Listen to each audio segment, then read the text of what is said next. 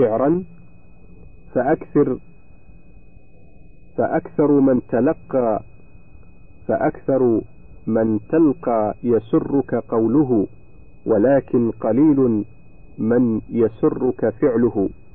وقال آخر وحتام لا تصحو وقد قرب المدى. وحتام لا ينجاب عن قلبك السكر. بل سوف تصحو حين ينكشف الغطاء. وتذكر قولي حين لا ينفع الذكر. وقال آخر ومنتظر للموت في كل ساعة. يشيد ويبني دائما ويحصن. له حين تبلوه حقيقة موقن. له حين تبلوه حقيقة موقن. وأفعاله أفعال من ليس يوقن عيان كإنكار عيان كإنكار وكالجهل علمه بمذهبه في كل ما يتيقن. نراك في ليلك ونهارك فيما يغضب مولاك فلسانك في ميدان الفحش ومنكر القول جواد عظيم. وعينك في أودية النظرات الخائنة دائما تجول وتهيم وفرجك لا يتهيب أن يتجاوز أرضه الطيبة إلى الأرض الوبيئة الخبيثة. وأما بطنك فلا يعف عن أخبث المأكولات وأما أذنك فمصية وسامعة إلى ما لا يحل من الكلام. وأما رجلك فساعية إلى المعاصي والآثام وأما يدك فباطشة بالضعيف دون توقع. فيا مسكين إن المعاصي عدو مبين. يعلم ذلك كل مؤمن عاقل لبيب. وأن مآل الصبر وأن مآل المصر عليها إن لم يتجاوز عنه مولاه النار. فهل العاقل فضلا عن المؤمن يلقي نفسه فيها؟ فاتعظ وتنبه أيها الأخ وبرهن على أنك تميز بين النافع والضار. شعرا يا طالبا راحة من دهره عبثا أقصر فما الدهر إلا بالهموم ملي. كم منظر رائق أفنت جمالته. يد كم منظر رائق أفنت جمالته يد المنون وأعيته عن الحيل وكم همام وكم قرم وكم ملك تحت التراب وكم شهم وكم بطل وكم إمام إليه تنتهي دول قد صار بالموت معزولا عن الدول وكم عزيز أذلته المنون وما أن صدها عنه من مال ولا خول. يا عارفا دهره يكفيك معرفة وإن جهلت تصاريف الزمان سلي هل في زمانك أو من قبله سمعت؟ هل في زمانك أو من قبله سمعت؟ أذناك أن ابن أنثى غير منتقل. وهل رأيت أناسا قد علوا وغلوا في الفضل؟ زادوا بما نالوا عن الأجل. أو هل نسيت لدوا للموت؟ أو هل نسيت لدو للموت أو عميت عيناك عن واضع نعشا؟ أو عميت عيناك عن واضع نعشا ومحتمل؟ وهل رعى الموت ذا عز لعزه؟ وهل رعى الموت ذا عز لعزته أو هل خلد أح أو هل خلا أحد دهرا بلا خلل؟ الموت باب وكل الناس داخله لكن ذا الفضل محمول على عجل. وليس فقد إمام عالم علم كفقد من ليس ذا علم ولا عمل. وليس موت الذي ماتت له أمم كموت شخص من الأوغاد والسفل. اللهم ثبت وقو إيماننا بك وملائكتك وكتبك ورسلك واليوم الآخر والقدر خيره وشره.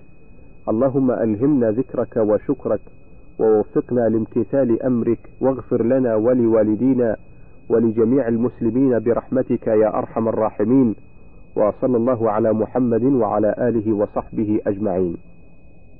فصل في الرجاء. الرجاء قيل في تعريفه هو ارتياح لانتظار ما هو محبوب عند الإنسان ولكن ذلك المتوقع لا بد له من سبب حاصل فإن لم يكن السبب معلوم الوجود ولا معلوم الانتفاء سمي تمنيا لأنه انتظار من غير سبب ولا يطلق اسم الرجاء والخوف إلا على ما يتردد فيه. فأما ما لا يتردد فيه ويقطع به فلا إذ لا يقال أرجو طلوع الشمس ولكن يقال أرجو نزول المطر وأخاف انقطاعه وضد الرجاء اليأس. وهو تذكر فوت رحمة الله وقطع القلب عن ذلك واليأس معصية. قال تعالى إخبارا عما قاله يعقوب ولا تيأسوا من روح الله إنه لا ييأس من روح الله إلا القوم الكافرون. ومقدمات الرجاء أربع الأولى ذكر سوابق فضل الله إلى العبد والثانية ذكر ما وعد الله من جزيل ثوابه وعظيم كرمه وجوده دون استحقاق أو سؤال. الثالثة ذكر كثرة نعم الله عليك في أمر دينك وبدنك ودنياك في الحال من أنواع الأمداد والألطاف من غير استحقاق أو سؤال. والرابعة ذكر سعة الله ذكر سعة آه، سعة رحمة الله تعالى وسبقها غضبه وأنه الرحمن الرحيم الغني الكريم الرؤوف بعباده المؤمنين وقوة الرجاء على حسب قوة المعرفة بالله وأسمائه وصفاته وغلبة رحمته غضبه. قال ابن القيم رحمه الله: فالرجاء ضروري للمريد السالك والعارف لو فارقه لحظة لتلف أو كاد فإنه دائر بين ذنب يرجو غفرانه وعيب يرجو إصلاحه وعمل صالح يرجو قبوله واستقامة يرجو حصولها ودوامها. وقرب من الله ومنزلة عنده يرجو وصوله إليها والرجاء من الأسباب التي ينال بها العبد ما يرجوه من ربه بل هو من أقوى الأسباب. انتهى. وقال في مختصر منهاج القاصدين وقد علم أرباب القلوب أن الدنيا مزرعة الآخرة وأن القلب كالأرض والإيمان كالبذر فيها والطاعات جارية مجرى تنقية الأرض وتطهيرها ومجرى حفر الأنهار وسياقة الماء إليها وأن القلب المستغرق بالدنيا كالأرض السبخة التي لا ينمو فيها البذر ويوم القيامة هو يوم الحصاد ولا يحصد أحد إلا ما زرع ولا ينمو زرع إلا من ولا ينمو زرع إلا من بذر الإيمان. وقل أن ينفع إيمان مع خبث القلب وسوء أخلاقه كما لا ينمو البذر في الأرض السبخة فينبغي أن يقاس رجاء العبد المغفرة برجاء صاحب الزرع فكل من طلب أرضا طيبة وألقى فيها برا جيدا غير مسوس وعفن ثم ساق إليها الماء في أوقات الحاجة ونقى الأرض من الشوك والحشيش وما يفسد الزرع ثم جلس ينتظر من فضل الله تعالى دفع الصواعق والآفات المفسدة إلى أن يتم الزرع ويبلغ غايته فهذا يسمى انتظاره فهذا يسمى انتظاره رجاء. فأما إن بذر في أرض سبخة صلبة مرتفعة لا يصل إليها الماء ولم يتعاهدها أصلا ثم انتظر الحصاد فهذا يسمى انتظاره حمقا وغرورا لا رجاء. وإن بث البذر في أرض طيبة ولكن لا ماء لها وأخذ ينتظر مياه الأمطار سمي انتظاره تمنيا لا رجاء. فإن اسم الرجاء إنما يصدق على انتظار محبوب تمهدت أسبابه الداخلة تحت اختيار العبد ولم يبق إلا ما ليس إلى اختياره ولم يبق إلا ما ليس إلى اختياره وهو فضل الله سبحانه بصرف الموانع المفسدات فالعبد إذا بث بذر الإيمان وسقاه ماء الطاعات وطهر القلوب من شوك الأخلاق الرديئة وانتظر من فضل الله تعالى ثباته على ذلك إلى الموت وحسن الخاتمة المفضية إلى المغفرة كان انتظاره لذلك رجاء محمودا باعثا على المواظبة على الطاعات والقيام بمقتضى الإيمان إلى الموت. شعرا: ترى الدنيا وزينتها فتصبو وما يخلو من الشهوات قلب. فضول العيش أكثرها هموم وأكثر ما يضرك ما تحب فلا يغررك زخرف ما تراه. وعيش لين الأعطاف رطب. وإن قطع بذر الإيمان عن تعهده بماء الطاعات أو ترك القلب مشحونا برذائل الأخلاق وانهمك في طلب لذات الدنيا ثم انتظر المغفرة كان ذلك حمقا وغرورا. قال الله تعالى فخلف من بعدهم خلف ورثوا الكتاب يأخذون عرض هذا الأدنى ويقولون سيغفر لنا وإن يأتهم عرض مثله يأخذوه. وذم القائل ولئن رددت إلى ربي لأجدن خيرا منها منقلبا. شعرا أفي السبخات يا مغبون تبني وما أبقى وما أبقى السباخ على الأساس.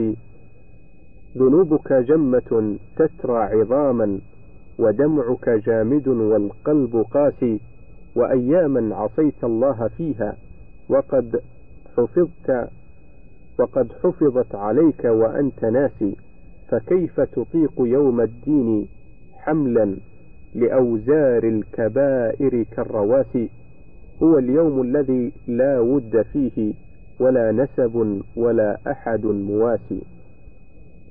اللهم يا عالم الخفيات ويا رفيع الدرجات يا غافر الذنب وقابل التوب يا شديد العقاب ذي الطول لا إله إلا أنت إليك المصير. نسألك أن تذيقنا برد عفوك وحلاوة رحمتك يا أرحم الراحمين. وصلى الله على محمد وآله وصحبه أجمعين. موعظة. عباد الله يقول الله جل وعلا وتقدس قد أفلح المؤمنون الذين هم في صلاتهم خاشعون. عباد الله إن الصلاة عماد الدين وأعظم أركان الإسلام بعد الشهادتين. وهي قرة عين المؤمن وطمأنين وطمأنينة قلبه تبدو واضحة في وقوفه بين يدي ربه وخشوعه وانكساره عندما يتجه إليه في عبادته ويقف خاضعا ذليلا بين يدي العزيز الحكيم. عباد الله من حافظ على الصلاة فهو السعيد الرابح ومن أضاعها فهو الشقي الخاسر وإن اللبيب العاقل من إذا حضر للصلاة أقبل بقلبه وقالبه طرح الدنيا وشؤونها ومتعلقاتها جانبا وتدبر ما يتلوه إن كان وحده أو إماما وأنصت وأحضر قلبه إن كان مأموما وتفهم ما يسمع وابتهل وتضرع إلى مولاه. موعظة عباد الله إن الخشوع في الصلاة هو روحها.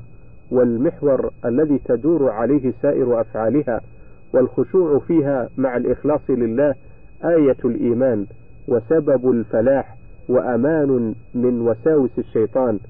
ألا وإن الصلاة بلا خشوع كجسد بلا روح؟ قال ابن عباس رضي الله عنهما ليس لك من صلاتك إلا ما عقلت منها. وفي المسند مرفوعا إن العبد ليصلي الصلاة ولم يكتب له إلا نصفها أو ثلثها أو ربعها حتى بلغ عشرها. وقد علق الله فلاح المصلين بالخشوع في صلاتهم فدل على أن من لم يخشع فليس من أهل الفلاح ولو اعتد له ولو اعتد له بها ثوابا. لكان من المفلحين. هكذا قال بعض العلماء. قالوا وأما الاعتداد بها في أحكام الدنيا وسقوط القضاء فإن فإن غلب الخشوع وتعلق وتعقلها اعتد بها إجماعا وكانت السنن والأذكار عقبها جوابر ومكملات لنقصها وإن غلب عليه عدم الخشوع فيها وعدم وعدم تعلق وتعقلها وعدم تعقلها فقد اختلف العلماء في وجوب إعادتها واحتجوا بأنها صلاة لا يثاب عليها ولم يضمن له فيها الفلاح فلم تبرأ ذمته منها ويسقط القضاء عنه كصلاة المرائي قالوا ولأن الخشوع والعقل روح الصلاة ومقصودها ولبها فكيف يعتد بصلاة فقدت روحها ولبها وبقيت صورتها وظاهرها؟ قالوا ولو ترك العبد واجبا من واجباتها عمدا لأبطلها تركه وغايته أن يكون بعضا من أبعاضها بمنزلة فوات عضو من أعضاء العبد المعتق من أعضاء العبد المعتق في الكفارة. فكيف إذا عدمت روحها ومقصودها وصارت بمنزلة العبد الميت فإذا لم يعتد بالعبد المقطوع اليد يعتقه تقربا إلى الله تعالى في كفارة واجبة فكيف يعتد بالعبد الميت؟ وقال بعض السلف الصلاة كجارية تهدى إلى ملك من الملوك فما الظن بمن يهدي إليه أو بمن يهدى إليه جارية شلاء أو عوراء أو عمياء أو مقطوعة اليد أو الرجل أو مريضة أو دميمة أو قبيحة حتى يهدي إليه جارية ميتة بلا روح وجارية قبيحة فكيف بالصلاة التي يهديها العبد ويتقرب بها إلى ربه تعالى؟ والله أطيب والله طيب لا يقبل إلا طيبا. وليس من العمل الطيب صلاة لا روح فيها كما أنه ليس من العتق الطيب عتق عبد بلا روح. قالوا وتعطيل القلب عن عبودية الحضور والخشوع تعطيل لملك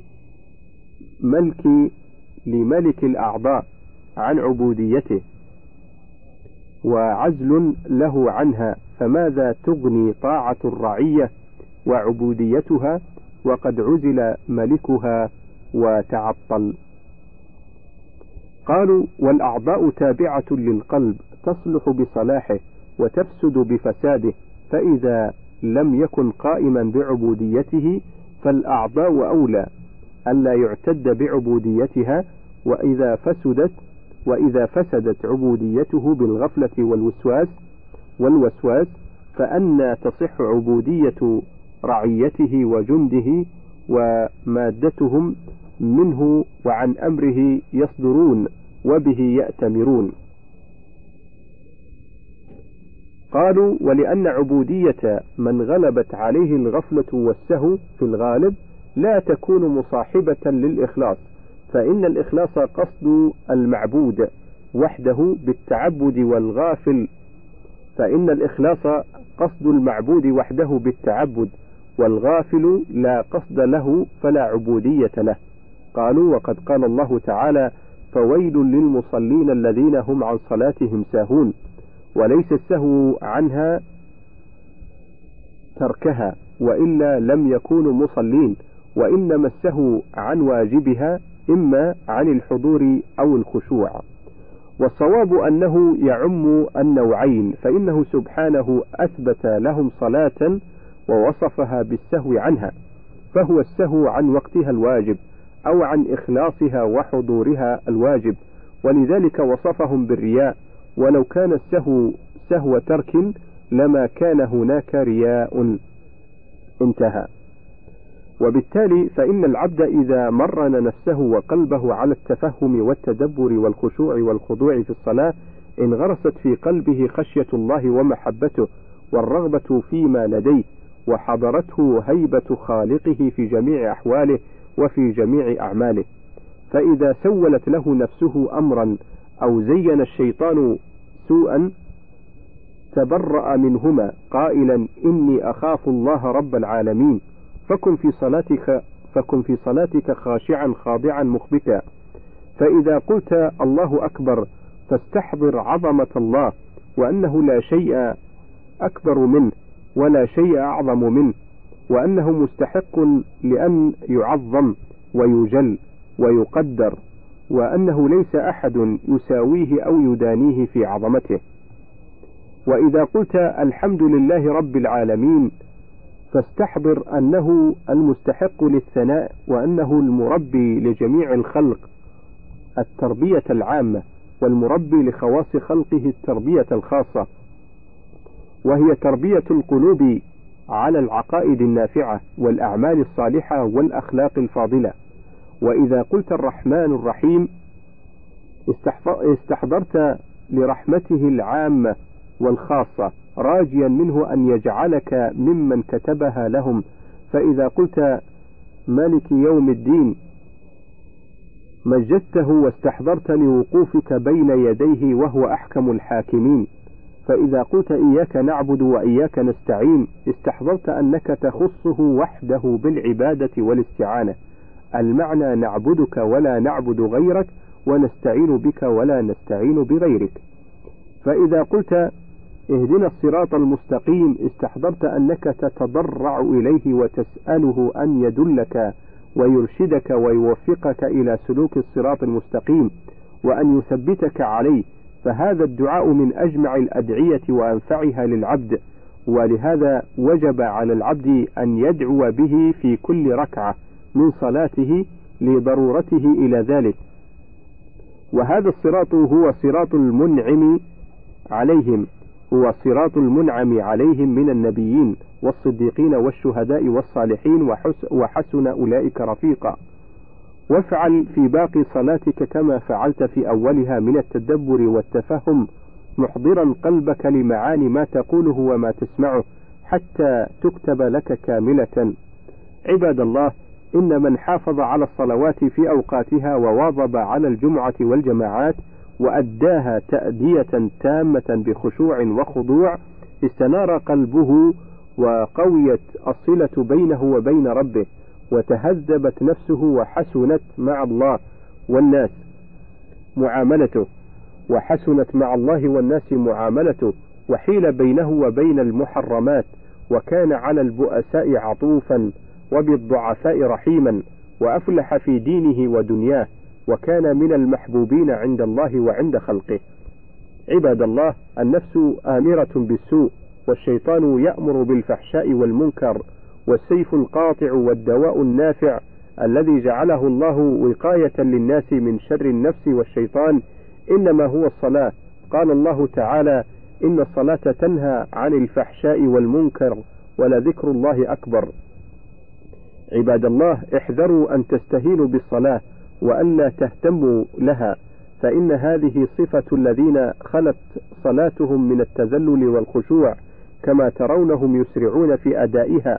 وهم عنها غافلون لا يعرفون لها معنى ولا يعقلون لها سرا ولم تشعر قلوبهم بحلاوتها ولا بلذة المناجاة قد ملكتهم الوساوس وامتلأت قلوبهم بشواغل الدنيا ولذاتها واستحوذ عليهم الشيطان فأنساهم ذكر الله. قال تعالى ومن يعش عن ذكر الرحمن نقيض له شيطانا فهو له قرين ومن الناس من عميت بصائرهم وتحجرت ضمائرهم فأضاعوا الصلاة واتبعوا الشهوات وأهملوا أوامر بديع السماوات وغفلوا عن واجب شكره ولم يخافوا سطوة جبروته وبطشه ولا سوء الحساب ولا نار العذاب. نسوا الله فأنساهم أنفسهم. أولئك حزب الشيطان. ألا إن حزب الشيطان هم الخاسرون. فيا أيها المسلمون اتقوا الله ربكم وحافظوا على صلاتكم وقوموا لله خاضعين خاشعين لتفوزوا برضوانه وتكونوا من المفلحين.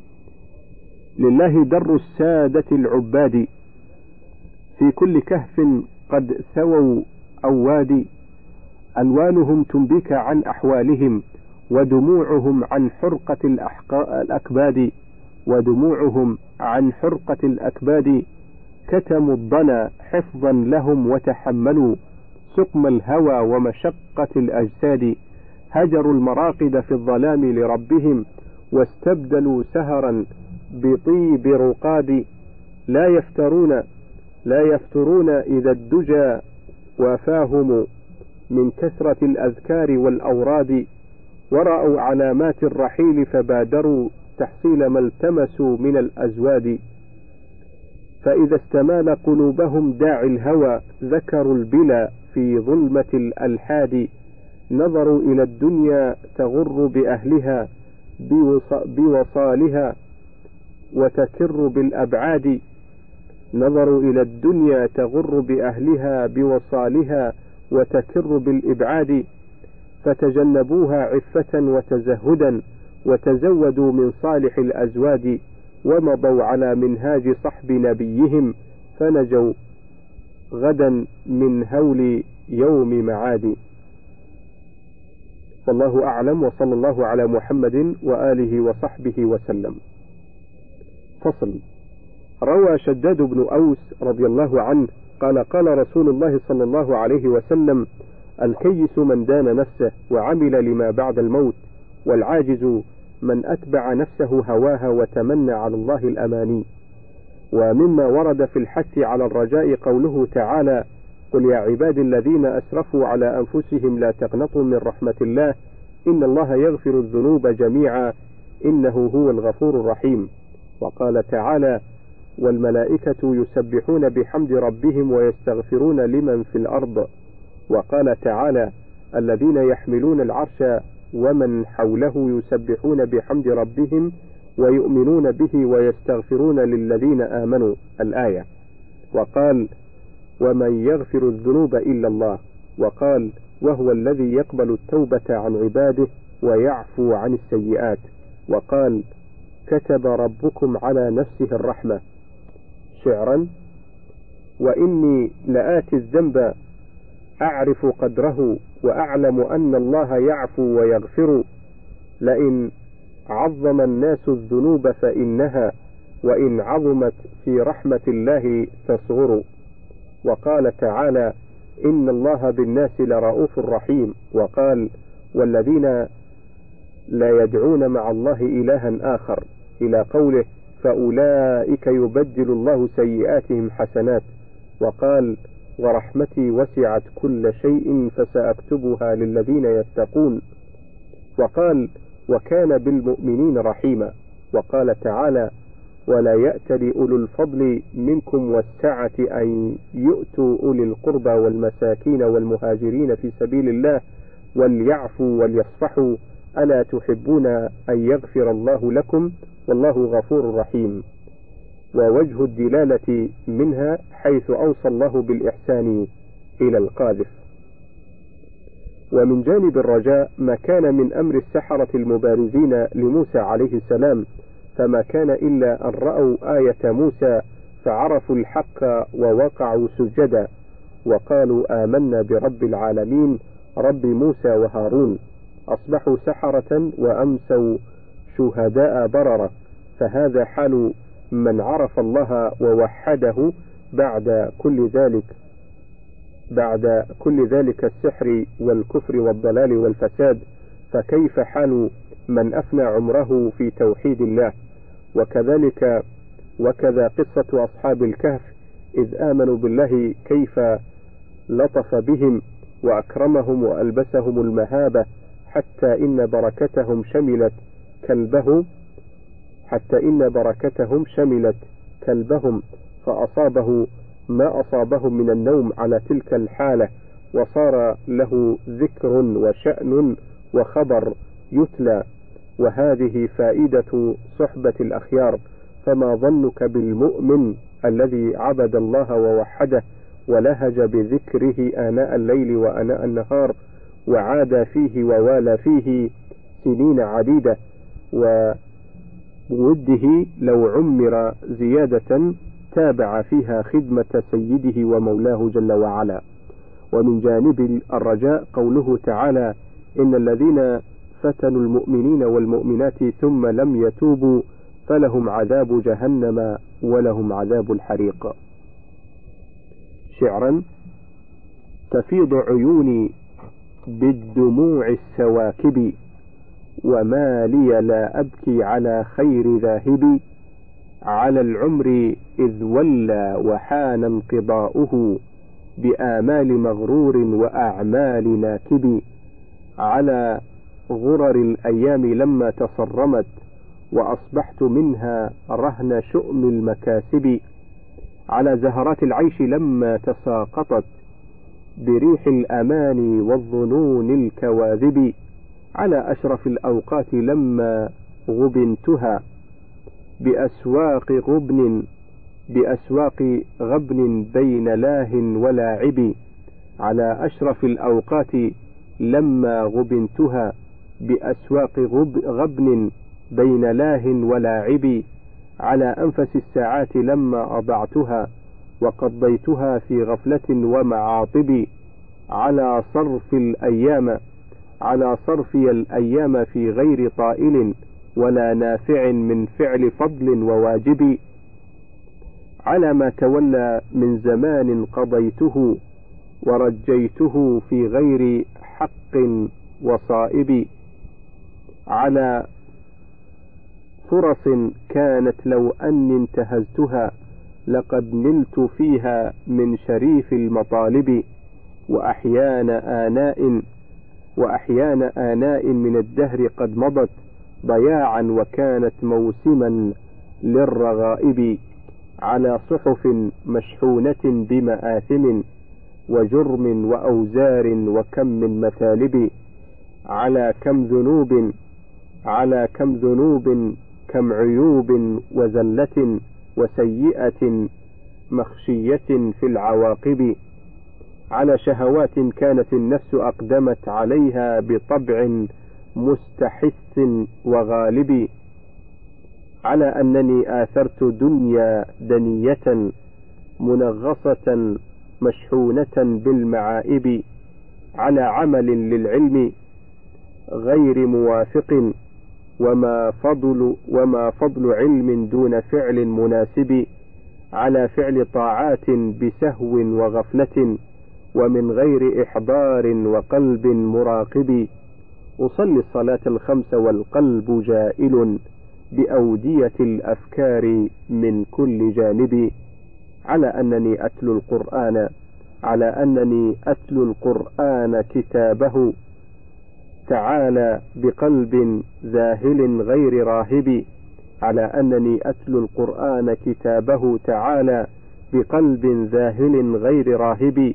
على طول آمال كثير غرورها ونسيان موت وهو أقرب غائب على أنني قد أذكر الله خالقي بغير حضور لازم ومصاحب على أنني لا أذكر القبر والبلا كثيرا وسفرا ذاهبا غير آيب. على أنني عن يوم بعثي ومحشري وعرضي وميزاني وتلك المصاعب مواقف من أهوالها وخطوبها يشيب من الولدان شعر الذوائب. تغافلت حتى صرت من فرط غفلتي كأني لا أدري بتلك المراهب. على النار أني ما هجرت سبيلها. على النار أني ما هجرت سبيلها ولا خفت من حياتها والعقارب على السعي للجنات دار النعيم والكرامة والزلفى ونيل المآرب على السعي للجنات دار النعيم والكرامة والزلفى ونيل المآرب من العز والملك المخلد والبقاء وما تشتهيه النفس من كل طالب وأكبر من هذا رضا الرب عنهم وأكبر من هذا رضا الرب عنهم ورؤيتهم إياه من غير حاجب فآها على عيش الأحبة ناعما هنيئا مصفى من جميع الشوائب وآها علينا في غرور وغفلة عن الملأ الأعلى وقرب الحبائب. وآها على ما فات من هدي من هدي سادة وآها على ما فات من هدي سادة ومن سيرة محمودة ومذاهب على ما لهم من همة وعزيمة وجد وتشمير لنيل المراتب على ما لهم من عفة وفتوة وزهد وتجريد وقطع الجواذب على ما لهم من صوم على ما لهم من صوم كل هجيرة. على ما لهم من صوم كل هجيرة ومن خلوة بالله تحت الغياهب على الصبر والشكر اللذين تحققا وصدق وإخلاص وكم من مناقب على ما صفى من قربهم وشهودهم وما طاب من أذواقهم والمشارب وأستغفر الله العظيم جلاله وقدرته في شرقها والمغارب. إليه مآبي وهو حسبي وملجئي ولي أمل في عطفه غير خائب. وأسأله التوفيق فيما بقي لما يحب ويرضى فهو أسنى المطالب. وأن يتغشانا بعفو ورحمة. وفضل وإحسان وستر المعايب وأن يتولانا بلطف ورأفة وحفظ يقينا وحفظ يقينا شر, شر, شر كل المعاطب وأن يتولانا بلطف ورأفة وحفظ يقينا شر كل المعاطب وأن يتوفانا على خير ملة على ملة الإسلام خير المواهب. مقيمين للقرآن والسنة التي أتانا بها عالي الذرى والمراتب محمد الهادي البشير نبينا وسيدنا بحر الهدى والمناقب عليه صلاة الله ثم سلامه وآل وأصحاب له كالكواكب. موعظة. عباد الله لا شيء أفسد للقلب من التعلق بالدنيا والركون إليها. فإن متاعها قليل ولا تطمع بالإقامة فيها فإن البقاء فيها مستحيل. كيف لا؟ والمنادي ينادي كل يوم يا عباد الله الرحيل هو الموت ما منه فوت ولا تعجيل ولا يقبل الفداء فاستعدوا له فإنه سيأتيكم عن قريب. عباد الله لا شيء أفسد للقلب من التعلق بالدنيا والركون إليها وإيثارها على الآخرة فإن هذا الفساد يقعد بالمسلم عن التطلع إلى الآخرة والعمل لها وإتعاب الجسد في سبيل الله والدعوة إليه وهيهات لقلب فاسد مريض أن يقوى على مهام الدعوة إلى الله. إن الدنيا فيها قابلية الإغراء للتعلق بها وحبها. ولهذا وصفها النبي صلى الله عليه وسلم بقوله إن الدنيا حلوة خضرة وإن الله مستخلفكم فيها فينظر كيف تعملون فاتقوا الدنيا واتقوا النساء. وقد حذرنا ربنا من الوقوع في شباكها والتعلق بها. فقال عز من قائل يا أيها الناس إن وعد الله حق فلا تغرنكم الحياة الدنيا ولا يغرنكم بالله الغرور ولا يغرنكم بالله الغرور.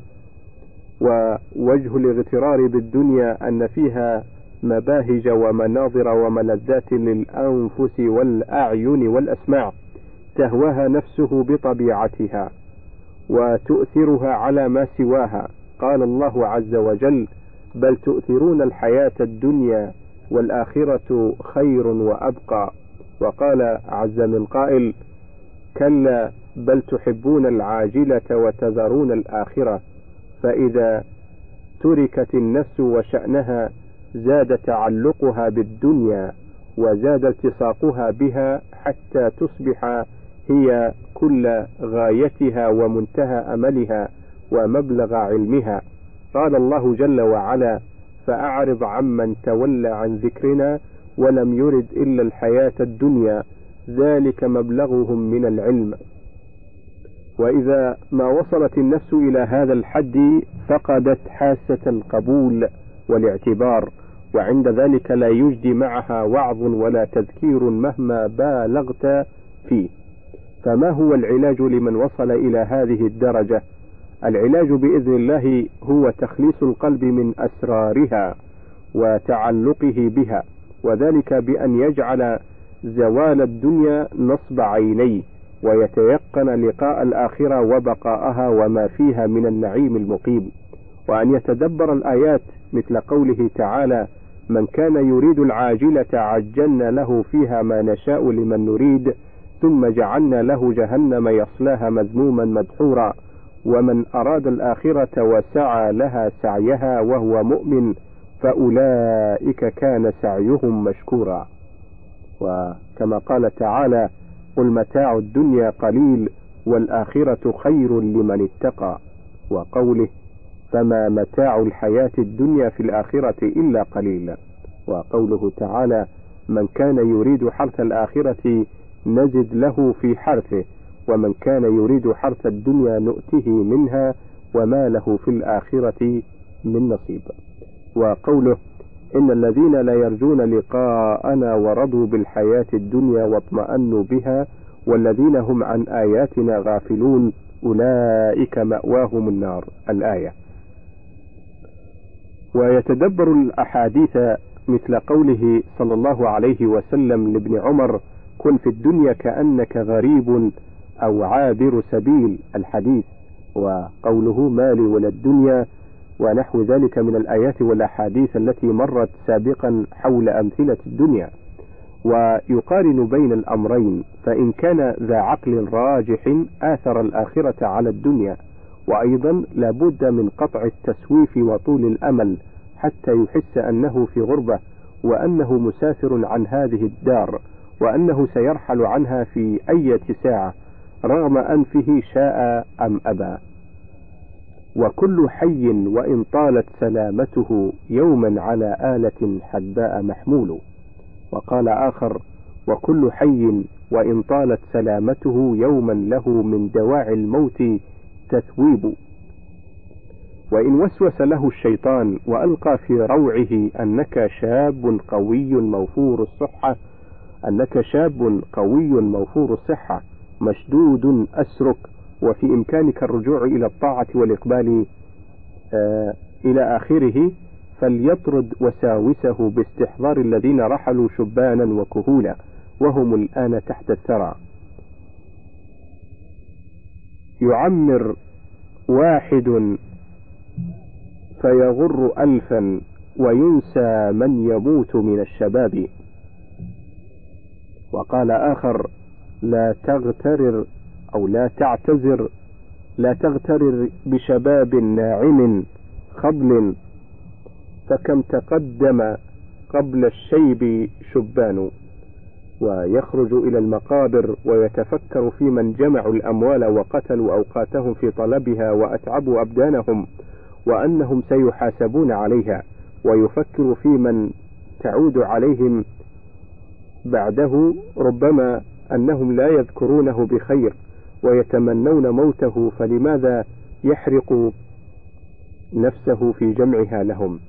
وقد يورث المال البعيد مضلل وقد يورث المال البعيد مضلل من الناس مضلل من الناس يأبى وضعه في القرائب. وقال آخر شقيت بما جمعت فليت شعري ورائي من يكون به سعيدا أعاين حسرة أهلي ومالي إذا ما النفس جاوزت الوريد.